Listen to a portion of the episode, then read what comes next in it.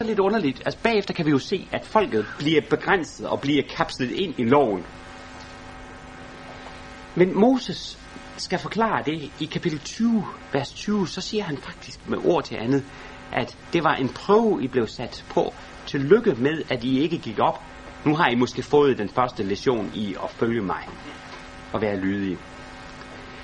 Jo mere jeg tænker over den sammenhæng, jo mere tror jeg egentlig, at øh, Abrahams offer er med til at forberede essensen og dybden i Sinai. Altså, at, at, at Moses også på den her måde bruger øh, begivenhederne i Abrahams liv til at forberede prøven på Sinai bjerg, og så indskærpe lydigheden. Og hele tiden så får vi altså at vide, at Abraham er lydig, gad vide i grunden, hvad Israel er. Gad vide, om Israel er lydig. Hvordan vil de frygte Gud? Det bliver et meget alvorligt tema i resten af fortællingen om Israel. Det en anden ting, som også er med frem, det er, at Tempelbjerget det udpeges som Moria-bjerg. Øhm, øh, det er i 2. krønikebog, kapitel 3, vers 1. Og det er faktisk eneste anden reference, altså vi, vi, der er bjerg ikke, så, så kaldes det altså Moria. Og i 2. krønikebog, kapitel 3, vers 1, så lægges der meget stor og tydelig vægt på, at det var det sted, hvor Abraham offrede Isak. Og fortsættes det med, at det var også det sted, hvor øh, plagen stoppede dengang, da David han øh, oplevede Guds plage. Det vil sige, øh, Davids offer i 2. Samuel kapitel 24, vers 24-25. Samuels bøgerne slutter med at lade et offer ske på det sted, hvor templet skal bygges. Og så slutter Samuels bøgerne. Så Abrahams offer her er med til at øh, pege på det sted, hvor det endegyldige offer, altså det, eller altså hvor selve offertjenesten skulle finde sted, og den er samtidig med til at pege frem på øh, Jesu Kristi offer i Nye Testamente. Havde jeg haft tid, så ville jeg have gået ind på de mange forskellige referencer, vi har i øh, Nye Testamente. Øh, I kan selv gå hjem og læse det, det står på sedlen, og øh, jeg vil bare slutte her. Og så tror jeg, vi skal pege, øh, jeg ved ikke, hvad vi skal have, sådan lige lidt pause, få luften lidt ud, 10 minutter, ja. Ja, altså vi er fem Så. Samme som vi vil være kvar. Jeg vil til at uddybe lidt mere. Det er jo så, at øh, når man foretar disse formale analyserne, og det du har laget her nede med kompositionsanalyse, så er det jo hele tiden et samspil mellem øh, det indholdsmæssige og det formelle, kan man sige, for tilfældighedsholdet. Og når du da kommer på vers 5, der synes jeg, det er et problem, som du var inde på, med menneskeoffringen, og jeg husker øh, alle gange, Det var for lige at nævne en fjerde mulighed. den, ikke? Altså, øh, men øh, altså, det er klart, at, at øh, der kan ske meget altså, øh, fin fortællekunst vil selvfølgelig være noget med, at, at du siger noget til det her, men altså, øh, adressaten han sidder derovre. Altså, det er klart, det det er absolut mulighed. Men øh, jeg fornemmer altså noget med, at øh, det er, øh, altså, Isak øh, er den, der først får besked senere hen, mens øh, han her har den, den øh, øh, tydelige, altså det som Abraham skal huskes for, øh, det er, at da han går, altså der øh, fortæller han karlene, altså offentligheden, den nærmeste offentlighed, som er til stede, at øh, vi vender tilbage. Og så er så spørgsmålet, altså om, øh, altså, altså selvfølgelig kan der godt leges med vildledning, men øh, altså, det er jo ikke rigtigt det billede, vi ellers får af Abraham. Altså, som, altså, det, alt andet øh, i karakteriseringen af Abraham tyder på, at han er øh, tro, at han er lydig, at han, han, han, han får en befaling, og så går han, ganske enkelt. Så det vil sige, at det er et eller andet sted imellem, øh, at øh, Abraham simpelthen siger, altså mellem to og tre, og jeg er ikke sikker på, at de skal spilles ud på, mod hinanden. Altså, jeg har svært ved selvfølgelig at sige en fuldt ud øh, øh, uddybet tolkning af øh, den tredje mulighed i selve teksten. Altså Abraham siger ikke sådan direkte, øh, jeg tror på opstandelsen for de døde, øh, og derfor så går jeg hen og offrer Isak. Altså det er egentlig ikke det, han siger. Men det han siger, det er, ligger mere inden for løsning tos muligheder. Altså at jamen jeg må ofre, for det har Gud sagt, og jeg er sikker på, altså når Gud har sagt noget, så gør vi. Men, men som Gud han vil have, at den her, det er stadigvæk den her synd, så vi kommer tilbage. Jeg forstår det ikke, jeg ved ikke hvordan. Øh, men der kan man så sige, at Hebræerbrevet i hvert fald, øh, altså går planken ud og har en så dyb, en, en så dyb nærlæsning og en så rigtig tolkning af den, og altså at, at, at, at Abraham er åben for hvad som helst, inklusiv opstandelsen. Altså, for han ved, at han skal ofre, det har Gud sagt, og han ved, at han får ham tilbage. Så det, det må Gud også mene. Kan vi se på prædikestolen, at det som Hebræerbrevet siger, at Abraham trodde, Hmm. Kan vi se, at Abraham trodde det? Ja, men det vil jeg sige, det er netop den dybeste. Der er ikke bare en tolkning, men der er en realitet, at han trodde det. var det, der Ja, ja. Men det, det øhm, altså, øh, vi skal selvfølgelig så, altså også hjælpe vores læser til at forstå. Abraham siger egentlig ikke direkte, at jeg tror på de dødes opstandelse. Det siger han nu ikke, Axel, eller hvad? Hvordan vil du udtrykke det? Nej, men det. Ja, ja, ja, ja, ja. Men det jeg så siger, det er, at den måde, det er fortalt her på, altså det har Hebræerbrevets forfatter fanget lige på, øh, på, på, øh, lige på spidsen. Øh, og at det er simpelthen den helt rigtige, altså den øh, Hebræerbrevets forfatter har simpelthen læst lige præcis, hvad der er intentionen i det, og hvad det er, Abraham siger. Uden at få sagt, at jeg tror på de opstand, opstandelsen fra de døde. Abraham udtrykker det på den her måde, der, der findes en Gud, som øh, altså, bringer den her søn tilbage. Det siger han tydeligt. Ja, vi tager lidt flere kommentarer ind på det her. Øh, Peter Aabach. Nå, okay. Nå, okay. Anden side, så kunne det da være spændende at høre, hvad de teologer får ud af det der, når de nu gang på gang fortæller os, at i gamle testamente er det ikke spor af opstandelse. Det er ikke mig, du spørger om, vel? Nå, det, var ikke det, jeg ville sige. Nej, det vil sige. Først så skal lige øh, angribe det, du sagde. Så gik de to sammen. Og så brugte du det som en illustration af, hvordan man kan gå sammen totalt hver for sig. Øh, Jeg har jo læst en historie før, og jeg har fortalt om til mine konfirmander nogle gange. Ret mange gange da. Så gik de to sammen. Hvad læser man umiddelbart? Man læser et nært søn-far-forhold. Det er også derfor, det bliver gentaget. Så gik de to sammen. Det er for at udtrykke hele den smerte, Abraham gik med. Så langt er der enig. Men det er alligevel det er forhold af et dybt kærligt forhold. De to gik sammen. Og hvis du går videre, og det gør man jo gerne over for mine konfirmander, og fortæller dengang, hvor der var en far, der virkelig måtte ofre sin søn. Og der var der ikke nogen, der råbte Abraham, Abraham. Så var det et kors. Øh, så passer billedet endnu finere. Så gik de to sammen. For der var ingen mislyde i det far søn forhold. Det var der formentlig også med Abraham og Isaks. Det var punkt to. øh, og så, så har jeg fået lov at låne tegningen. Der er undskyld tavlen deroppe. Fordi øh, i alt dette, alt dette her om, om øh, fortællinger, øh, så kunne det jo være passende at sige en lille smule om illustrationer også.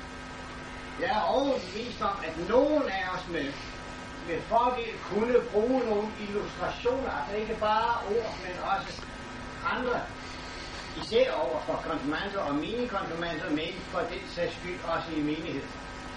Og så den tegning der, det er en dårlig gengivelse. Jeg plejer at lade mine mini-konfirmander tegne det, jeg fortæller. Helt generelt. Når vi fortæller om skabelsen, så tegner vi dyr og sol og måner og græs og så videre. Om Noahs arker. De, de, de tror det måske ikke, men de bliver optaget af det, der fortælles, når de samtidig udtrykker det i streger og farver.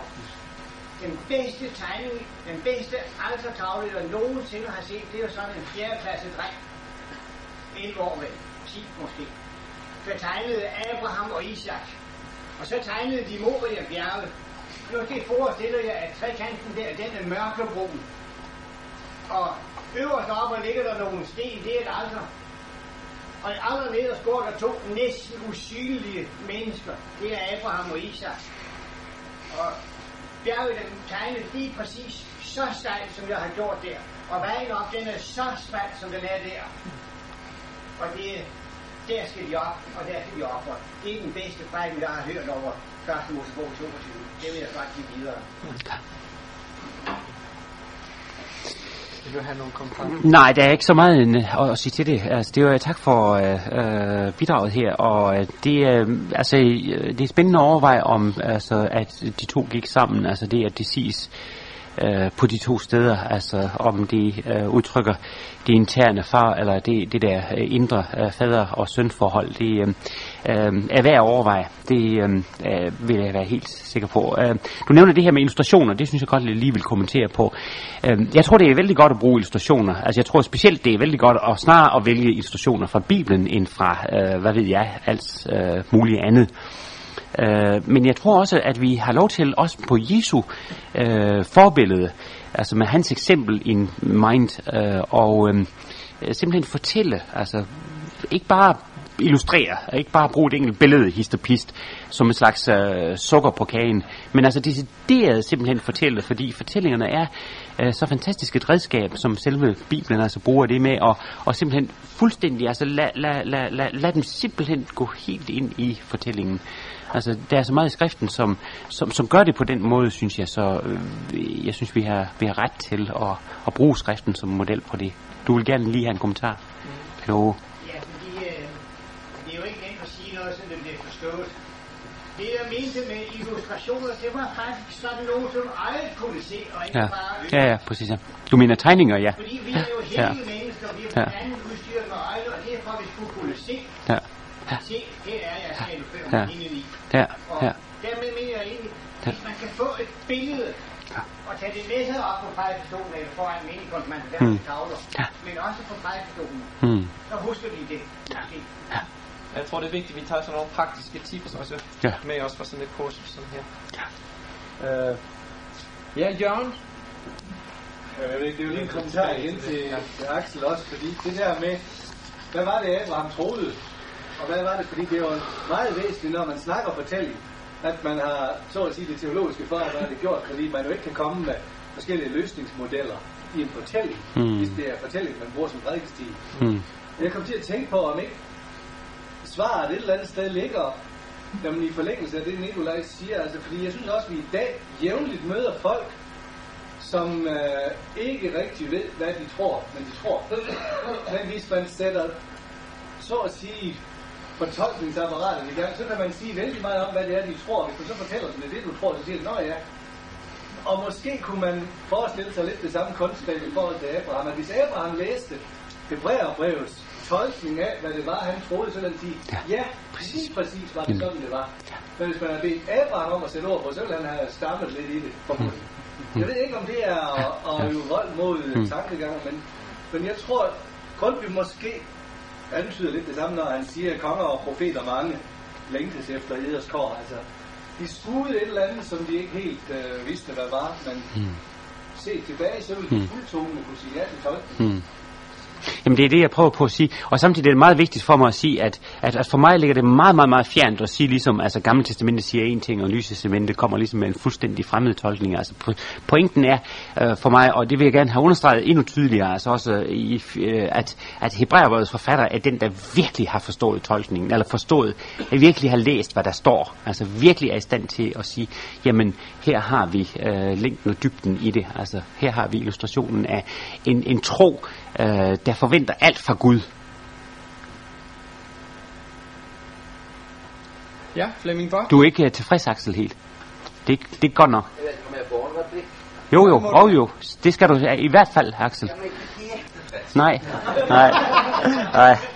Er du helt utilfreds, Axel? Da Jesus går med Ja. ja. Mm, ja,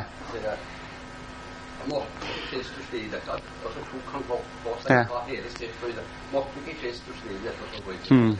Mm. Og der viser han jo det, han siger, at det er i Jerusalem, øh, som er her nå, så vet ikke det, som er skjedd. Mm. Øh, Har ikke forstått skriften, ikke sant? mm, Og så ser man, så står i skriften, Mm. og så reelt står i skriften. Og i 1. Peter 1, øh, øh, en ti følgende, så ta- taler det om Mm. profetene som, som grunnet øh, på Mm. til hvilken tid mm, det som Kristi Mm. ånd var i den mm, vitnet om. ja, Men altså, det er jo helt klart, at selvom profeten ikke visste alt, Mm. så visste de i hvert fall det som det Mm. nye testamentet sier at de visste. Det er Jesus altså Mm. visste. For meg på vekstol Mm. for det si det. At Ja. således var det. Ja. Og det er, jeg forstår den, den, Mm. det forsøket, men jeg synes det er litt vel psykologisk. Mm. det. Mm. Litt vel Ja. psykologisk det, det mm, Jeg Ja. mener at når, øh, når Det nye testamentet sier Mm. at Abraham trodde Han regnes jo opp der i kapittel øh, Ja, øh, ja. som eksempel på de troende. Og Abrahams tro, der var jo innholdet av troen presisert. Troen var at han gikk med Isak. Mm. For han visste at Gud skulle gi ham tilbake og reise ham opp fra, opp fra de døde. Og Derfor kan man jo si at, at det behøver ikke nødvendigvis minske smerten. Det er at når vi, legger, vi, vi går til døden, det vet vi. Vi skal dø og begraves hvis Kristus kommer igjen. Og vi skal, vi skal bli til jord. Right. Men likevel, midt i denne smerte og denne, eh, denne mot, eh, store angst som dette innebærer for hver av oss, så har vi likevel en tro som bærer oss igjennom det. Mm. Og det er noe lignende. Det jeg tror er Mm. med Abraham. Ja, altid. Jo, men det er rigtig godt, Axel. Det er utrolig vigtigt at være herinde, fordi, og det er også selv et spørgsmål om forhold mellem Gamle og Nye Testamente. Og altså, vi, vi står med det problem, at vi vender tilbage. Altså, hvad betyder det? Øh, øh, og på, på, på, i selve fortællingen, ikke, så, så, så har det en, en, en, en, en ligefrem betydning. Og, og altså, øh, spørgsmålet er så, altså, kan vi læse den her fortælling uden at, hvad skal jeg sige, at læse Hebræerbrevet? Altså kan vi forstå den? Øh, og i, for mig er det meget vigtigt, at altså min forståelse af ontologien i sproget går også lidt på, at vi kan læse første Mosebog kapitel øh, øh, 22 uden at, og, og, og, og, hvad skal jeg sige, så at sige, altså hvad skal jeg sige, ligesom øh, det skal betyde, altså bare læse Nye Testamente ind i en rigtig forståelse, men for mig er det vigtigt at sige, jamen det ligger allerede i Gamle Testamente, og Nye Testamente udfolder det, der egentlig lå der det, det er meget, men det er meget vigtigt. Altså, du og jeg kan ikke komme op og slås på det. Altså, men, men det er meget vigtigt. Det er en vigtig diskussion, vi, øh, vi er inde på. Nej, men det gider jeg ikke, fordi han øh, kan slå mig. Lige har du noget til det her?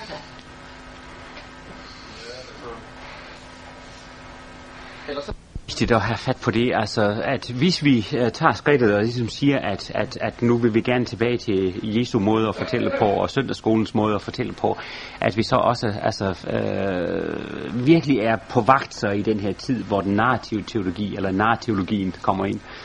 Øh, og det er, du har sådan set selv nævnt løsningen, og det er jo, du siger, at lignelser for eksempel er forsynet med en pointe. Og øhm, der har vi så, altså, det er meget vigtigt, at vi på den ene side set, altså, øh, kaster os i Jesu lignelsers arme, altså, virkelig, altså, øh, altså, lad fortællingerne stå og være, og fylde det, som Jesus også kunne lade dem fylde, og, og se dybderne i dem, som Bailey siger. Men, men, men aldrig nogensinde i kontrast med pointerne.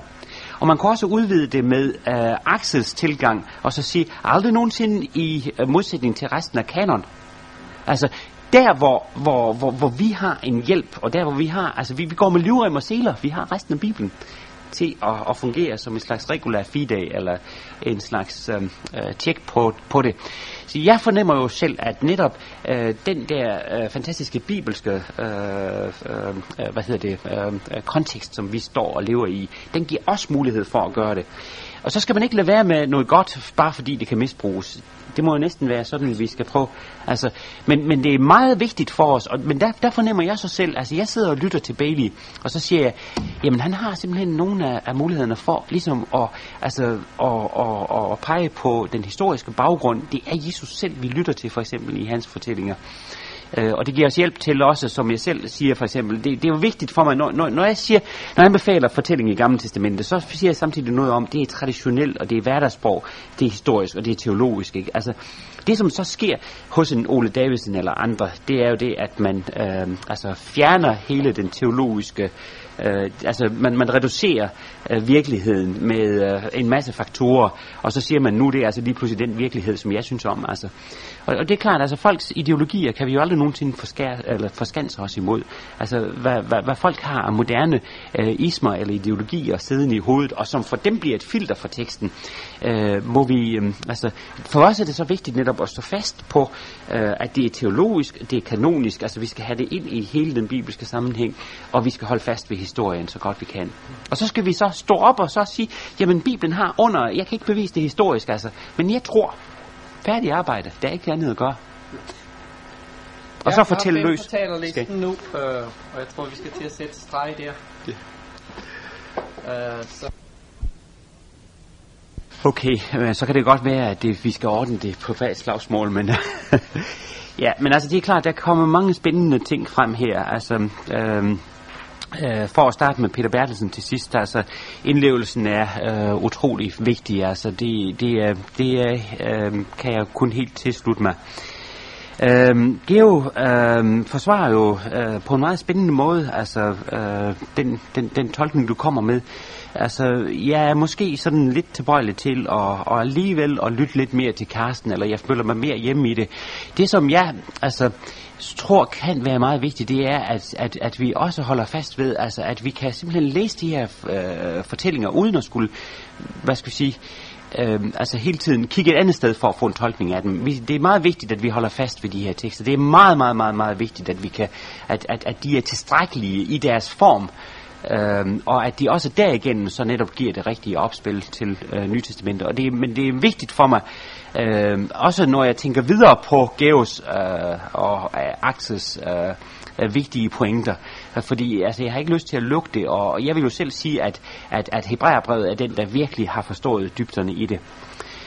Øhm, men jeg tror, at det, som kan være øh, vigtigt ved den side, som Karsten peger frem på med Isaks redelse, det er måske også det samme, som Beate anslår lidt med, at vi skal også øh, øh, vi, vi, skal, vi skal huske, at vi også skal have tekster, som skal have lov til at sætte ord på vores fortvivlelse, vores dybe troskamp.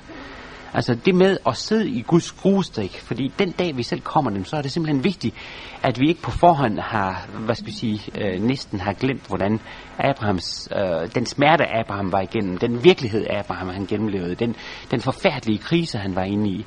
Altså vi, vi har brug for også at kunne hente trøst og hjælp og vejledning i de situationer, og derfor tror jeg, det det er vigtigt, at vi ikke, hvad skal jeg sige, glemmer at læse Abrahams historie, så bare ligesom siger, jamen det, det, det er en historie, den handler om de døds, eller, altså kødsopstandelse, øh, og så længere den ikke. Altså det ved jeg godt, det er ikke det, I siger, og det er ikke for at være polemisk overhovedet, ikke, undskyld. Det, altså det, det må I ikke misforstå, vel? Men altså, jeg tror, det kan være vigtigt, at vi holder fast i, i altså også, øhm, at, at de sætter ord på fortvivlelsen, altså. Så var der noget med, altså med øh, fiktionen og hvad teksten siger, og øh, der, der hører jeg så til dem, som, altså øh, for mig er det meget vigtigt, at jeg ikke går øh, ret meget længere, end der ligesom ligger i teksten af ansættelser. På den anden side set, så er min, min øh, øh, altså når jeg selv prædiker, og jeg er frygtelig glad for netop at forsøge på at prædike på den her måde, så gør jeg ikke det, at jeg øh, ligesom bare bliver i fortælleverdenen. Så prøver jeg på også at fortælle med nutidige paralleller. Det er ligesom, når vi er i den her situation. Og så ligesom prøv på at tage nogle eksempler, som jeg ved altså, kan tale ind i folks situation, og så tage ligesom hele det teologiske budskab med. Når jeg selv bruger øh, det, som jeg selv opfatter som en frugtbar fortællende forkyndelse, øh, så handler det lidt om at, at skifte imellem og ligesom lade, lade fortællingen stå der og fortælle og så samtidig fortælle nutidigt også. Altså give nutidige paralleller. Og så samtidig så sørge for, at netop det budskab, som ligger i selve teksten, også får lov til at stå så klart som muligt. Så for mig er det ikke et spørgsmål, altså det er lidt det du gør, Jørgen, hvor jeg tror det var dig, der sagde, altså skal vi nu have, skal vi nu have fortælling, eller skal vi have forkyndelse? Øh, jeg er meget ked af at skulle vælge mellem de to ting. Altså jeg vil frygtelig gerne have, at, at det vi kan gøre, er at, at få en, en fortællende forkyndelse, eller en forkyndende fortælling, altså hvad vi nu vil kalde det. Altså øh, det, det må vi sådan set selv om. Det som så også er bare er vigtigt for mig, det er, at vi skal til at bruge de gamle testamentlige tekster, og vi skal til at have dem indført. Altså det er lige før, at at vi skal have lavet om på, på læser, eller på leks, lektionærerne, og, og, og altså, øh, tekstrækkerne og det her. Altså, øh, et eller andet skal der gøres, sådan så vi får hele Guds ord med, altså. Det, ikke. jeg tror, jeg fik sådan givet lidt både her og der. Men du fik ikke svare Jørgen på det der med, at du siger, at den her tekst kan bruges som en Nå, nå. Ja, det fik jeg ikke snakket på. Ja, og nej. en frelsesfortælling. Ja, ja. Og øh, der er jeg så, altså jeg bed mærke i her i øh, formiddags, at øh, Bailey han sætter sig til at sige, at øh, nogle gange kan en fortælling have to pointer eller tre pointer. Altså vi har nogle gange med Linses øh, fortællinger, altså nogle gange så havde vi det jo med at sige, den her Linse kan kun have én pointe, ikke? Så, altså, og så barmerer man det hele væk, ikke? Altså, og jeg har svært ved at sige, altså der er i 1. Mosebog 12 et hip til Abraham. Altså, han bliver simpelthen, altså vi får ham at se som en, som en simul justus et Picasso. Også i den grad. Og det er vigtigt. Det må vi lade stå. Altså, han, han, det, det er altså forkert, og han får, altså, han får simpelthen en på goddagen. Men min pointe er samtidig at sige, at det behøver ikke at udelukke, at Moses han så samtidig øh, bruger den. Altså fordi der er jo det, der er den ene side, det er det her med at, at, at vise tilbage til læstekst. Altså ligesom at, at bruge syndefaldsterminologi for at beskrive, at nu, nu, falder, nu falder også Abraham. Men, men, men, men Gud er her stadigvæk. Men samtidig så også, også at se, at, at, øhm, at der er så også en, en, en vægtlægning på, at Gud velsigner, og Gud gør rig. Og det var det, han gjorde med os i Ægypten. Og så har Moses så lige pludselig altså også gjort den relevant. Øh, så jeg er ikke helt tilbøjelig til lige pludselig at vil, at vil lægge mig fast på en. Man kan godt leve med to. Jeg ved ikke, hvad du... Øh, hvem var det nu, det, det jeg skal lige se. Hvem, det, var, det var Jørgen, der... der det, var, det, var, det var der Jørgen, der var inde på den der med. Ja. Så derfor så... Altså, lige nu er jeg ikke helt parat til, og lige nu kan jeg godt leve med, at, at det er intenderet i begge... Altså, altså det, det, det, der, er en, der er en fortæller, som fastlægger den ene mening, og have to referencer, som vi begge to kan godt få med. Hvad siger du til den? Jeg synes, når Bailey siger, at der er mange pointer, så ligger de umiddelbart i forlængelse af hinanden som en vifte. Mm. De her to, som du stiller op der, de strider i hver deres retning. Ja. Det er jo grunden til, at. Altså, men hvad er så det? Jeg tror måske det her med, at vi er syndere, og så alligevel, så er Gud noget imod os og velsigner os. Det er også et, et, et, et klas af rang. Altså, det er jo en konflikt øh, af de store, ikke? Men, men må ikke vi altid lever i den her spænding med, at, at vi sjosker i det, men altså Gud, han er, altså alligevel kan velsigne igennem det, han gør. Altså, jeg vil meget gerne have de der to, begge to tolkninger med. Nej, uh, altså, det lyder ikke så godt.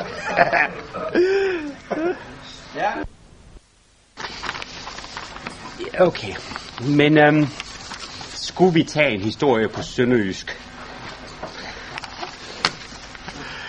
Øh, vi skal lige, ellers så skal jeg selv ned og klare den. Jeg tror nok, altså vi siger lige vil sådan være sikker på, at øh, den er til at få øje på. Se, øh, Abraham, han har ikke kun sin søn, og han hed Isak. Og hvor Gud så så til Abraham, tag Isak og slagt ham til mig. Men det var slet ikke sådan, hvor Gud sladrer.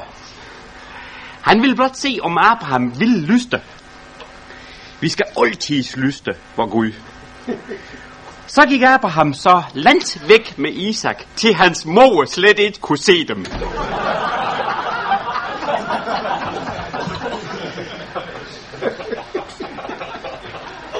Lav de har kommet langt væk, så byggede Abraham en skorsten.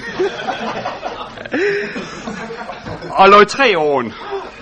Siden bandt han Isak og lå ham op over skorstenen. Og så tog han en kniv og ville til at stikke ham. Og så blev Isak så red. Og så gav han sig til at græde og ødt efter vor Gud. Han skulle komme og hjælpe ham. Så skikkede vor Gud straks en engel. Han så til Abraham, du må ikke komme til ham. For øh, det var ikke sådan, var Guds mening. Og så blev de både så grovt glade. Lav Isak måtte øh, komme ned af skorsten. For Abraham ville så gerne beholde Isak. Og så fangede de en buk. Og den steg de i øh, sted for. Og lav de så stå og bar til vor Gud. Sin så så vor Gud til Abraham. Jeg er så glad ved det. Det det, du vil lyste. Og nu skal de øh, øh, gå der så godt, og alle af folk skal være glade med det. Åh, Og sin rejste hjem igen.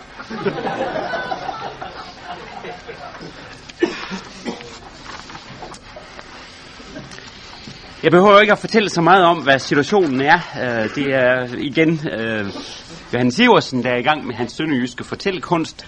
Høj karat, og i den her omgang, så er det simpelthen utstyrligt morsomt. Og der er også altså nogle måder at vende den her tekstmor, som, er, hvor man ligesom siger, altså kæreste venner. Det er simpelthen bare spændende. Og der er det så, man kan spekulere på, hvad er det, der foregår i sådan en fortælling. Er den for banal, fortællingen?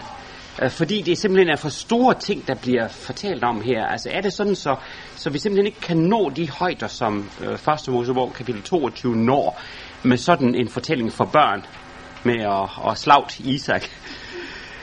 Eller er den for vild? Altså på den måde, så den ligesom, altså, hvad skal jeg sige, gør den forståelig for børn på. Mange af den slags uh, spændende spørgsmål kan man faktisk stille. Det er hvad vi skulle tage, sådan at få lidt mere lys, og uh, jeg tror ikke, jeg bruger den tekst mere. Nu, uh, nu, nu, nu, nu er det slut med Sønderjysk, altså. øhm, og det næste spørgsmål, som vi selvfølgelig også så øh, kan samtidig stille, det er så, altså, hvordan forkynde over øh, sådan en tekst som den her.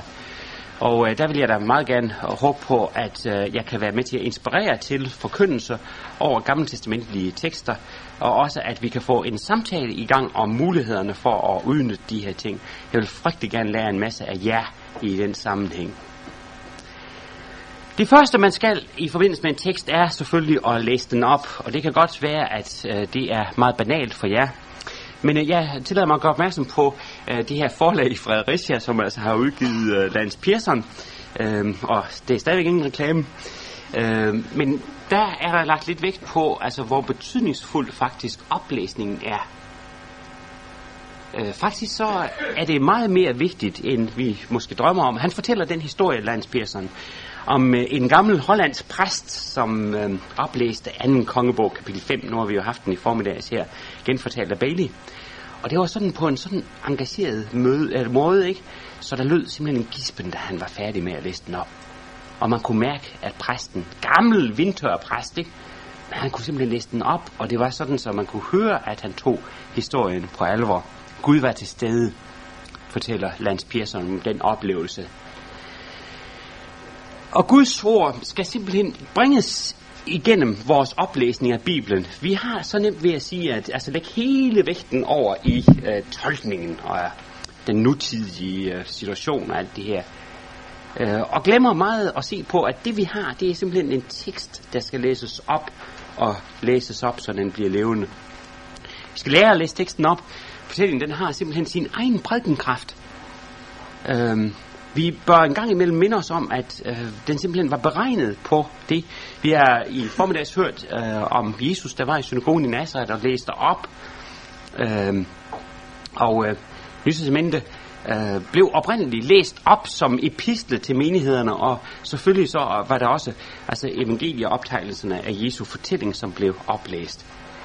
Og dermed så skal vi også prøve at gøre noget af det, øh, også når vi begynder på den her tekst som 1. Mosebog kapitel 22.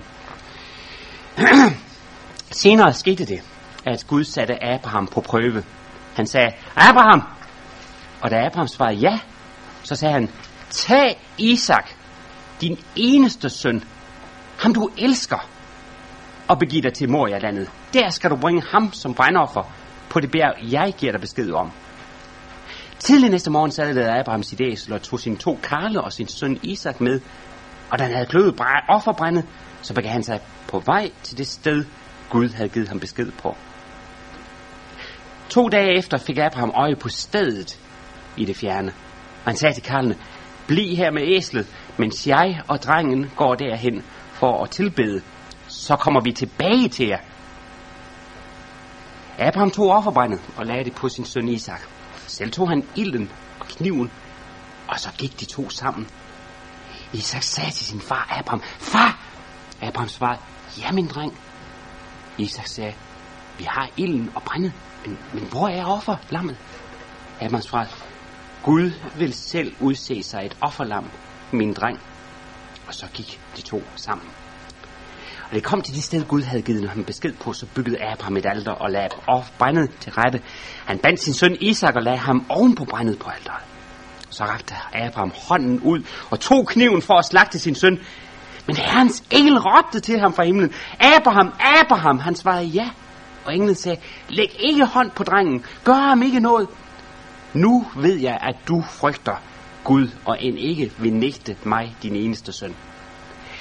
Da Abraham så op, så fik han øje på en veder, som hang fast med hornene i det tætte krat bagved. Abraham gik hen, og så tog han vederen, og så bragte den som mine offer i stedet for sin søn. Abraham gav dette sted navnet Herren ser.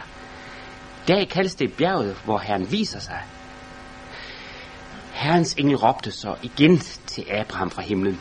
Jeg sværger ved mig selv, siger Herren fordi du har handlet sådan, og ikke nægtet din eneste søn, vil jeg velsigne dig og gøre dine efterkommere så talrige som himlens stjerner og som sandet ved havets bred. Dine efterkommere skal erobre deres fjenders porte. Alle jordens folk skal velsigne sig i dit afkom, fordi du er lød mig. Så vendte Abraham tilbage til sine karle og sammen gik de til Beersheba. og der blev Abraham boende. Amen.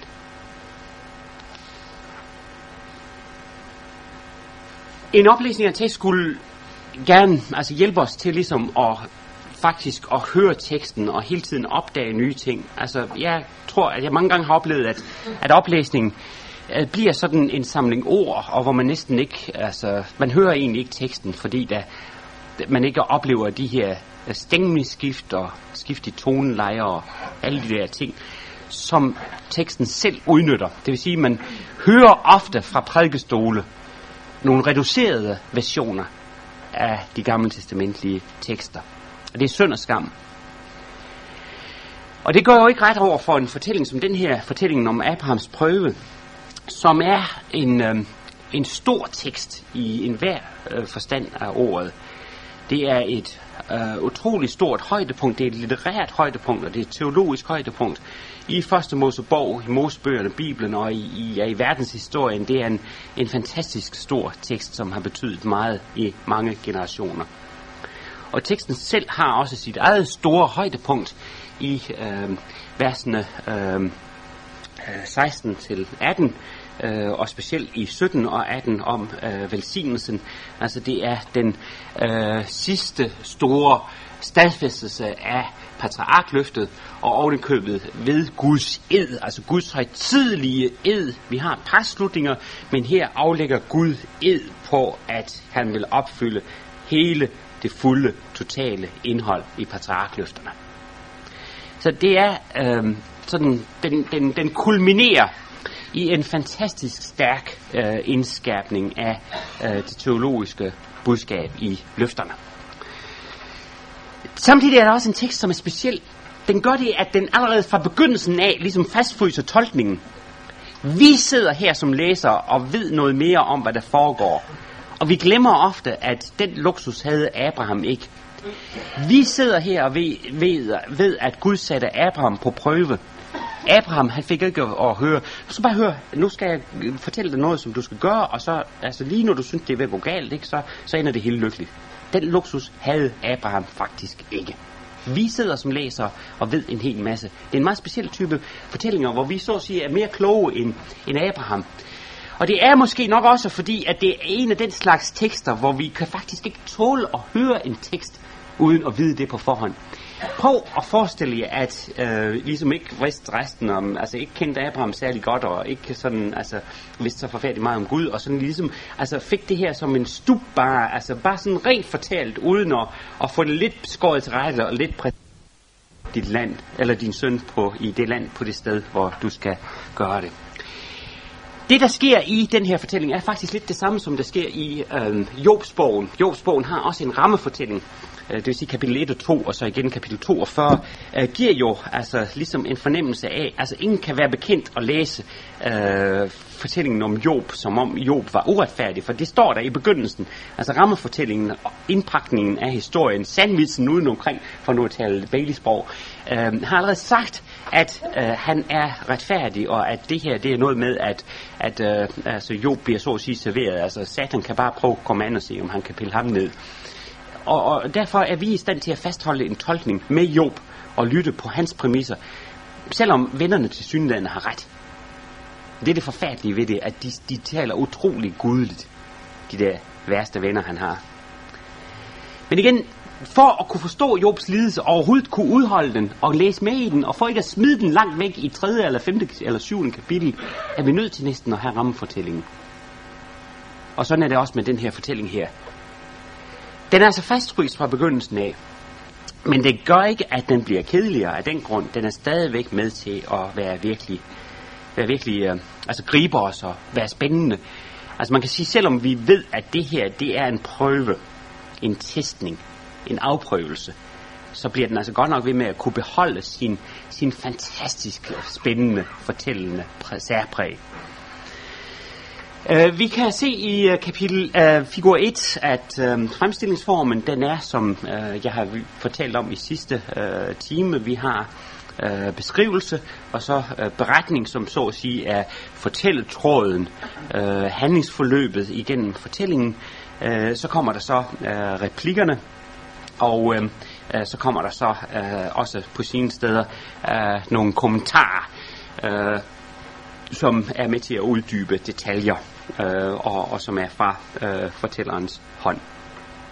Øh, men allerede fra begyndelsen af, så er øh, den her fortælling jo meget mere udbredt i, den er i samtale, den er i dialog, den sætter os i stand til at høre, altså den, den sætter os så at sige ind i interaktionen imellem Gud og Abraham allerede fra begyndelsen af. Og vi kan næsten høre det, altså en, en, en, øh, en fortælling, som kalder på Abraham. Abraham, altså kal, opkalder ham, eller vækker ham op, så at sige. Og, og nu er altså den danske oversættelse har øh, barberet de her replikker øh, ned. Altså der er meget mere i den hebraiske tekst, øh, men det er der ikke så ikke noget at gøre ved, altså.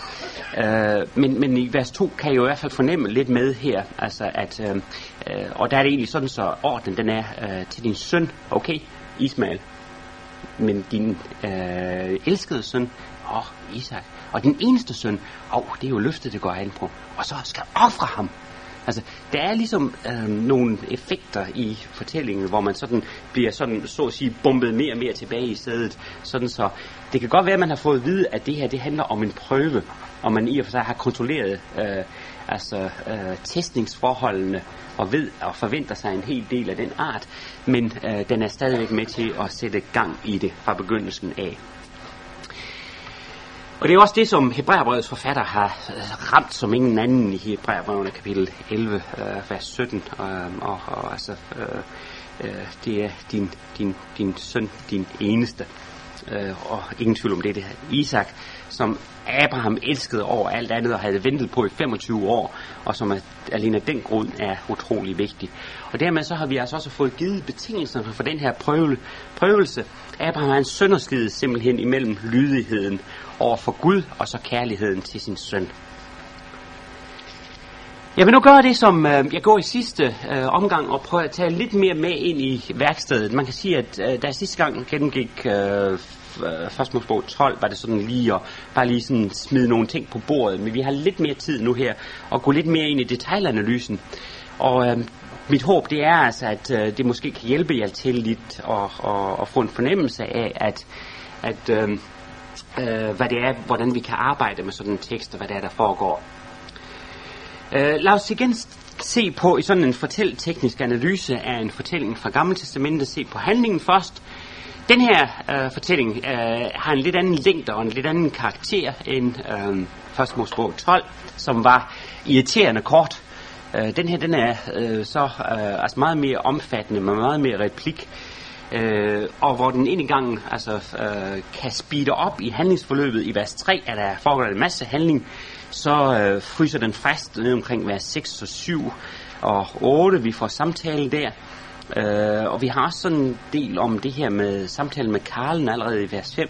Så kan, i, i, i, i vers 9 igen, så eksploderer teksten, så kommer der hurtigt tempo, og øh, lige pludselig så altså, øh, speedes handlingen op, men samtidig så fastfryses den altså i close-up, så vi simpelthen kan se øh, kniven glemte i luften, og vi kan næsten se Abraham være i gang med at stik, som Iversen siger. ja, men altså teksten, altså genfortællingen, den må jo ramme nogle af de ting, som, som, som er serveret på, på, på platte for os. I den her tekst, der er landskabsbeskrivelsen også øh, meget enkel. Vi, vi ved lige noget med Moria-landet, og noget med et bjerg, og det er stort set det eneste, vi har brug for. Altså, der er ikke meget øh, kulturhistorisk baggrundsinformation. Det er ikke den slags detaljer, som skal tynge os, og som skal få os til at, at, at smide fortællingen væk, fordi den er for tung at lytte på. Den er enkel og lige på og hårdt. Og så supplerer den og stimulerer jo selvfølgelig øh, ved øh, at skabe spænding ved at, at, at komme med de øh, nødvendige øh, detaljer til uddybende forklaring, eller også nogle gange simpelthen bare holde dem væk fra bordet, altså og, og, og forholde os den slags ting. Når det gælder øh, stiltrækkene her, så øh, kan man lægge vægt på en, en, en, en række forskellige ting. Øh, man kan for eksempel se på, at vi har øh, fire øh, parallelle paneler. Det er så at sige sådan, så, sådan i og for sig bygger med fire, øh, fire bygklodser, som sådan kommer igen øh, nogle gange, og det hjælper os sådan til at forstå det. Og i det her tilfælde, så er det jo altså selvfølgelig det her med, at det bliver kaldt på nogen, som så siger, øh, hineni, altså her er jeg, øh, og så kommer der ellers en uddybning på det, og det er som regel Abraham, der bliver kaldt på.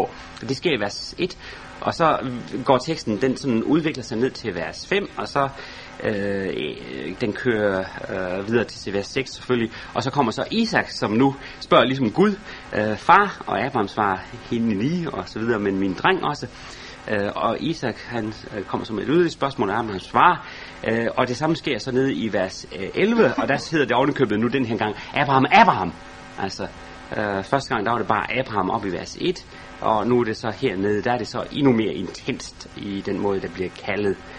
Øhm, og så kører teksten, altså den har, hvis man, man kan godt sætte teksten op sådan, at den har ligesom nogle forløb, sådan, altså ligesom når man pløjer på en mark, ikke? altså den kører frem og tilbage, haver op og haver ned. Øhm, så har den selvfølgelig også de her gentagelser, som er meget vigtige for os, for at se, hvad er det egentlig i uh, enten øh, uh, forberedelsesarbejde, der foregår, eller hvad, hvad, hvad spiller den tilbage på. Og i det her tilfælde, så er vi jo ved at være i slutningen af Abrahams liv, og derfor er det altid parallellerne tilbage, som er de vigtigste. Så det er dem, vi skal have lidt øh, øh fart på, eller fat på. Og det, som den her fortælling den gør, det er, at den sætter 21 og 22 op for hinanden, så de spiller hårdt imod hinanden. Altså her har Abraham simpelthen levet i 25 år, ikke? og så endelig så får de altså en søn. Og vi har haft det der øh, sådan mislykkede forsøg i kapitel 6, 16 med Hagar, og det gik ikke så godt, og så videre. Og, og Lot, han er også gået helt ned ad bakker og sådan noget. Det, det er ved at blive lidt ensomt og lidt barnløst omkring Abraham. Øh, og så kommer så bare, altså, øh, det her løfte, det bliver gentaget, og det bliver opfyldt. Kapitel 21, der har vi Isak. Værsgo, færdig arbejde. Han er der. Og så, øh, nu kommer så det her, den her kontrast med ham, som endelig kom. Han skal nu ofres. Og den kontrast er tydelig fremme i sprogbrugen. Øh, hvor man kan sige, 22, den spiller hele tiden tilbage på 21, øh, og kontrasten til, fødsel, til Isaks fødsel. Øh, fødselen og, og offringen er sat op over for hinanden. Øh, udtrykkende, øh, Isak han omtalt jo som din søn den eneste. Ganske vist har Abraham altså faktisk også Ismael, men øh, det er altså Isak, og det er kun Isak, det drejer sig om. Han er den eneste. Han er Yahid hele vejen igennem. Så kaldes han også drengen, øh, sådan de der intense følelser i kapitel 22, vers 5, og også vers 7, ikke 15, som der står. Øh, og det er samme udtryk, som også bliver brugt gentagende gange i 21. Øh, så er der en spil på, dine efterkommere skal erobre øh, eller arve. Øh, det har vi i 2217 også i 2110, altså over for Isak. Så altså, meget af tematikken i 21 er med op på overfladen. Altså, den spiller op imod kapitel 21. Men den spiller også op imod andre løfter og andre kapitler. Og det er selvfølgelig kapitel 16 med Ismael, som er stærkest inde i, i billedet. Altså Ismael, da han bliver født, så får han så at sige øh, et tilløb til de samme løfter, og han får en masse velsignelse med af Abraham, eller og af Gud. Øh, men, men man skal stadigvæk jo ikke være løftets søn. Så man kan sige, at, at her så ser vi en ny og bedre udgave af en løftets søn. En, der er bedre end Ismael, øh, men som nu skal ofres altså. Så det er stadigvæk den her kontrast, vi er op imod. Øh, gør din efterkommere talrige har vi i 22.17, men også i 16.10, og her gik det på Ismael. Hans engel er omtalt i 22.11 og 15, og det er også i 16.7 og 9 til 11.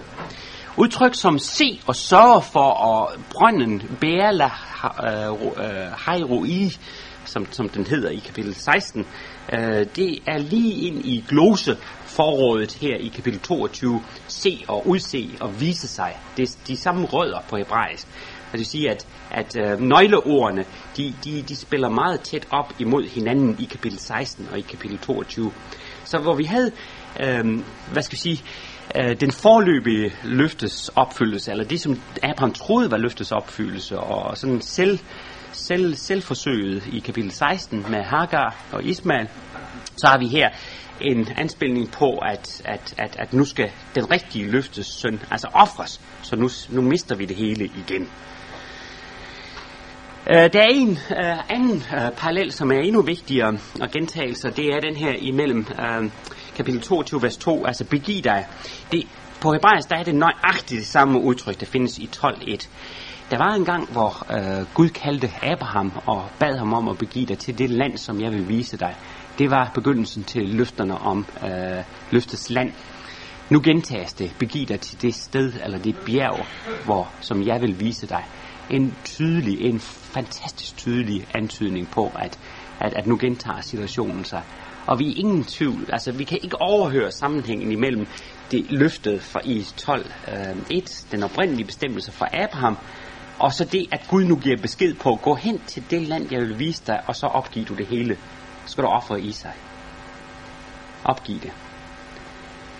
Og det, det skærper altså, vi, vi ser de her kontraster, de spiller med, og det skærper også forståelsen af, hvad det egentlig er, der er på spil i de her tekster. Nu sluttes ringen i Abrahams liv. Uh, nu, får vi, nu skal vi til at reflektere over begyndelsen på Abrahams kald, og så på den mulige falit i Abrahams kald, den mulige afslutning, det sidste kald, han overhovedet får. Uh, så tydeligt her. Uh, man kunne også uh, tale lidt om, om nøgleordene. Uh, altså hvis man begynder sådan at tælle lidt op, så er Abraham 18 gange, Isak 5 gange, søn 10 gange.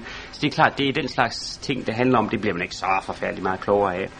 Lidt mere sjov er det så at snakke om, at velsignelser gør talrige i vers 17 og 18, de udtryk der. Det hedder faktisk uh, av, uh, avarecha har albe, og det er egentlig anspillinger på Abraham hele tiden, altså rent lydligt. Men øh, uh, det er der ikke så mange almindelige kirkegængere, der lige kan fange. Altså. Der er også et spil i vers 6 på Isaks navn, men uh, det kan vi så glemme. Uh, jeg skal nok lade være med at forudsætte hebraisk i alt for høj grad. uh, så går vi videre til kompositionen, og der kan vi så altså øh, se, at vi har et udtryk, som senere hen skete det, Øh, og det udtryk findes også i 2220. Men det er interessant, at det findes også i 15.1, og i 15.1, der kan vi i hvert fald se, at det stort set er et nyt stadie i øh, Abrahams liv, der er tale om. Så det kunne være en antydning af, at vi nu er ved at være fremme ved målet for Abrahams liv.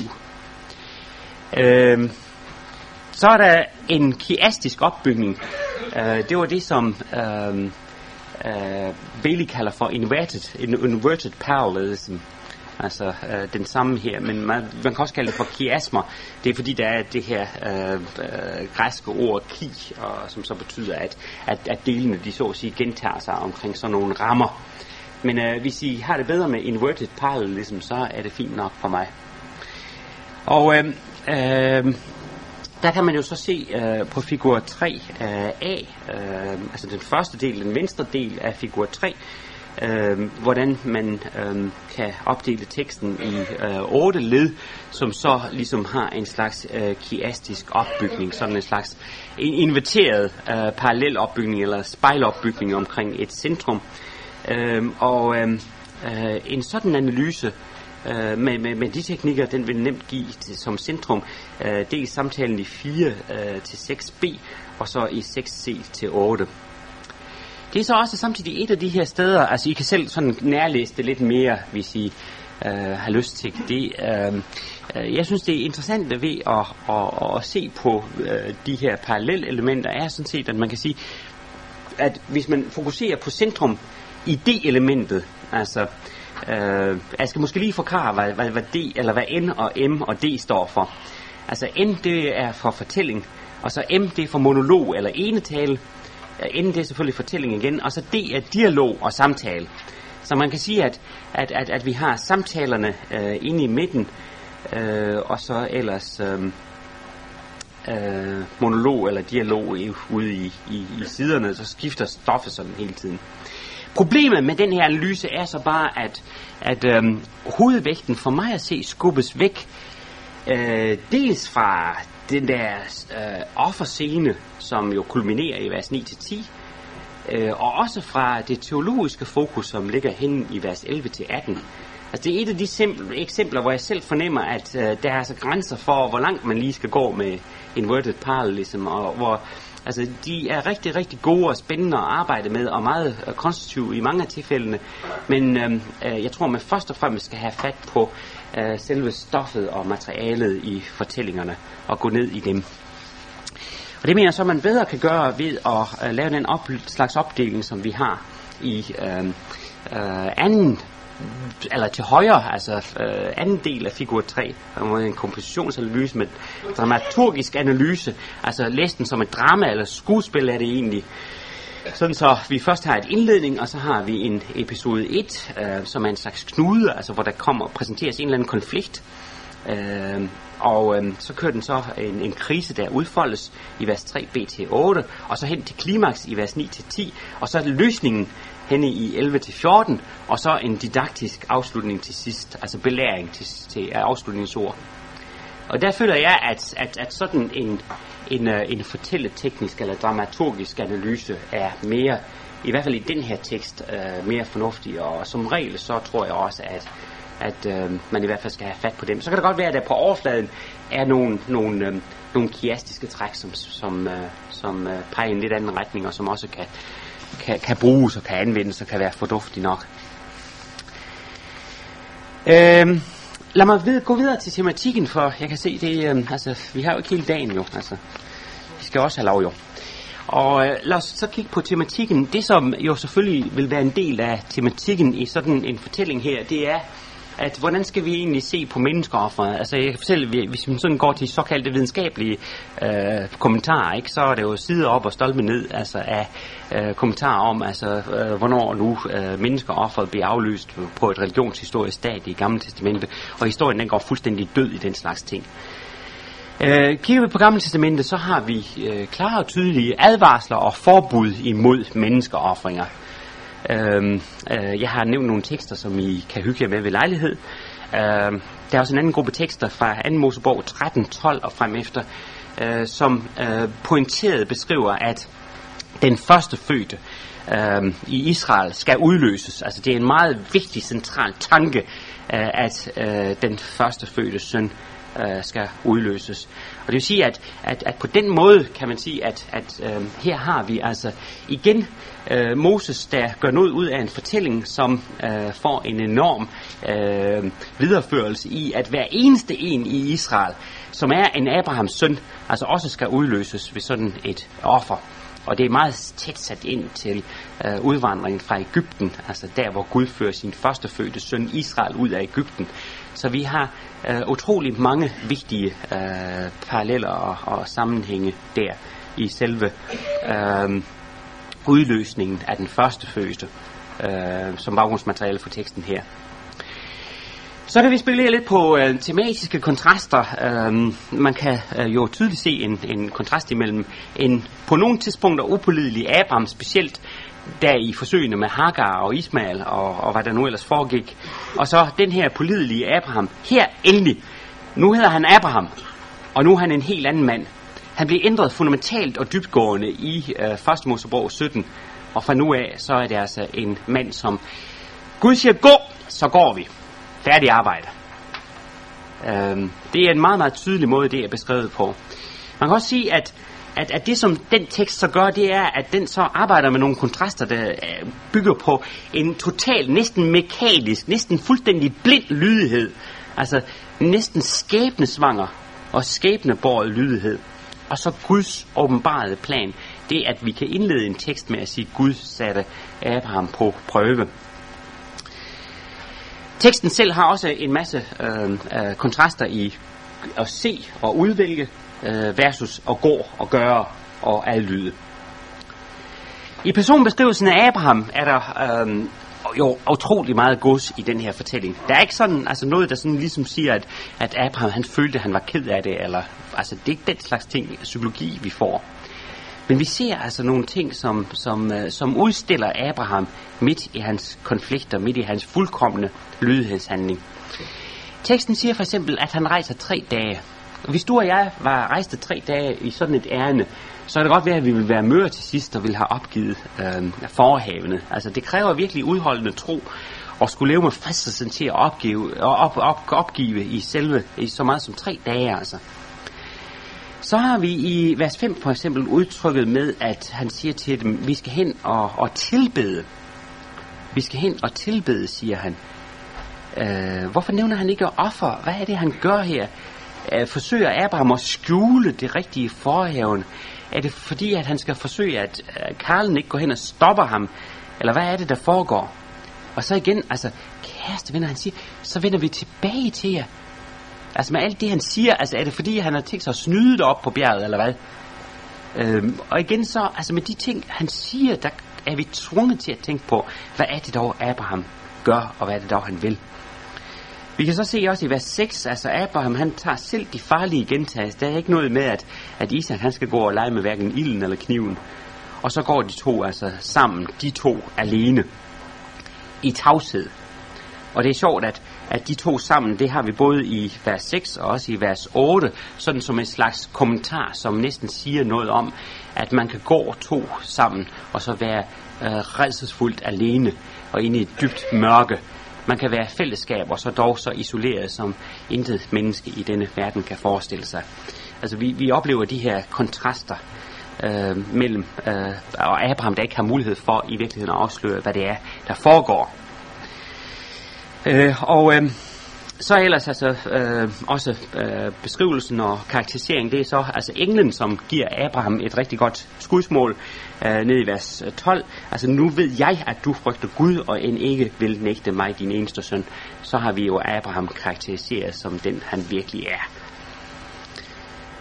Øh, budskabet i fortællingen her, det kommer så i vers 15-18. Øh, og det er ikke nogen tilføjelse, men det er simpelthen den belærende kulmination, øh, der hvor øh, samtlige patriarkløfter for alvor slås fast, før Abraham, han ligesom, øh, hans rolle i historien er øh, færdig.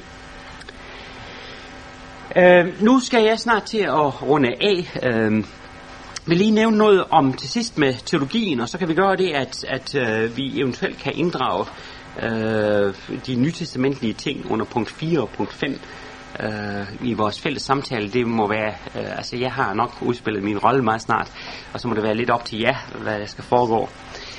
Øh, men øh, øh, læg, mærke til, læg mærke til, at øh, øh, prøven i den her sammenhæng, øh, den øh, foregår inden for et gudsforhold.